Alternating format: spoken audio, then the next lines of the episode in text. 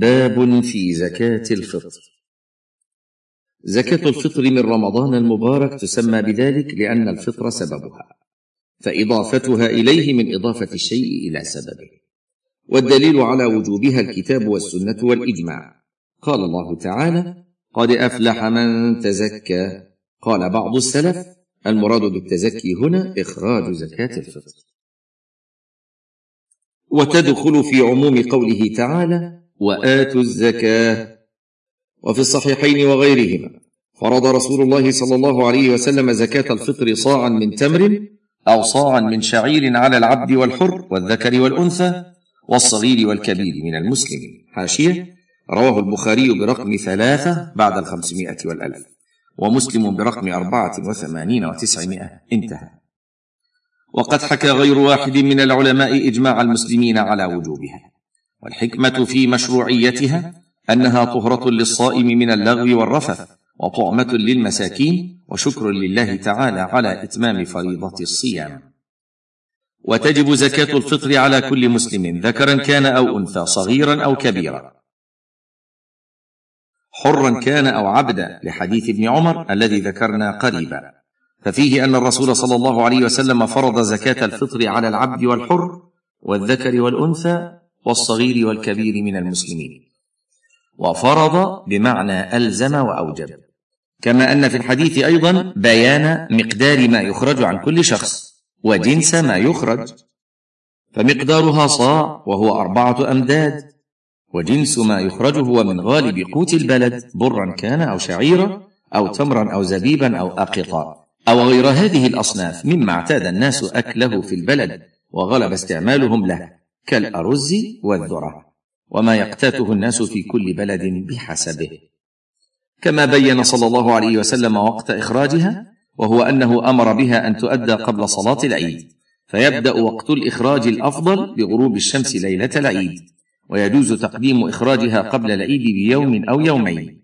فقد روى البخاري رحمه الله أن الصحابة كانوا يعطون قبل الفطر بيوم أو يومين فكان اجماعا منهم. حاشية رواه البخاري برقم أحد عشر وخمسمائة بعد الألف. انتهى. وإخراجها يوم العيد قبل الصلاة أفضل. فإن فاته هذا الوقت فأخر إخراجها عن صلاة العيد وجب عليه إخراجها قضاء. لحديث ابن عباس من أداها قبل الصلاة فهي زكاة مقبولة ومن أداها بعد الصلاة فهي صدقة من الصدقات. حاشية. رواه أبو داود برقم تسعة وستمائة بعد الألف. وابن ماجه برقم سبعة وعشرين وثمانمائة بعد الألف. والدار قطني في الجزء الثاني الصفحة الثامنة والثلاثين والمئة. والحاكم في الجزء الأول الصفحة الثامنة والستين والخمسمائة. وقال صحيح على شرط البخاري. وعنه البيهقي في الجزء الرابع الصفحة الثانية والستين بعد المئة. انتهى. ويكون آثما بتأخير إخراجها عن الوقت المحدد لمخالفته أمر الرسول صلى الله عليه وسلم.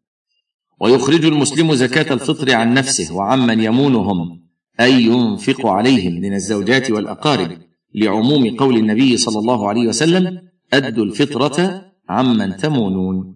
حاشية رواه الدار قطني في الجزء الثاني الصفحة الأربعين والمئة وعنه البيهقي في الجزء الرابع الصفحة الحادية والستين والمئة. انتهى. ويستحب إخراجها عن الحمل لفعل عثمان رضي الله عنه. ومن لزم غيره إخراج الفطرة عنه فأخرجه عن نفسه بدون إذن من تلزمه اجزات لأنها وجبت عليه ابتداء والغير متحمل لها غير أصيل. وإن أخرج شخص عن شخص لا تلزمه نفقته بإذنه اجزات وبدون إذنه لا تجزئ. ولمن وجب عليه إخراج الفطرة عن غيره أن يخرج فطرة ذلك الغير مع فطرته في المكان الذي هو فيه ولو كان المخرج عنه في مكان آخر. الصفحة الثامنة والستون والمئة. ونحب أن ننقل كلاما لابن القيم في جنس المخرج في زكاة الفطر. من إعلام الموقعين في الجزء الثالث الصفحة الثانية عشرة. انتهت حاشيته. قال رحمه الله لما ذكر الأنواع الخمسة الواردة في الحديث. وهذه كانت غالب أقواتهم بالمدينة. فأما أهل بلد أو محلة قوتهم غير ذلك فإنما عليهم صاع من قوتهم. فإن كان قوتهم من غير الحبوب كاللبن واللحم والسمك أخرجوا فطرتهم من قوتهم كائنا ما كان. هذا قول جمهور العلماء. وهو الصواب الذي لا يقال بغيره.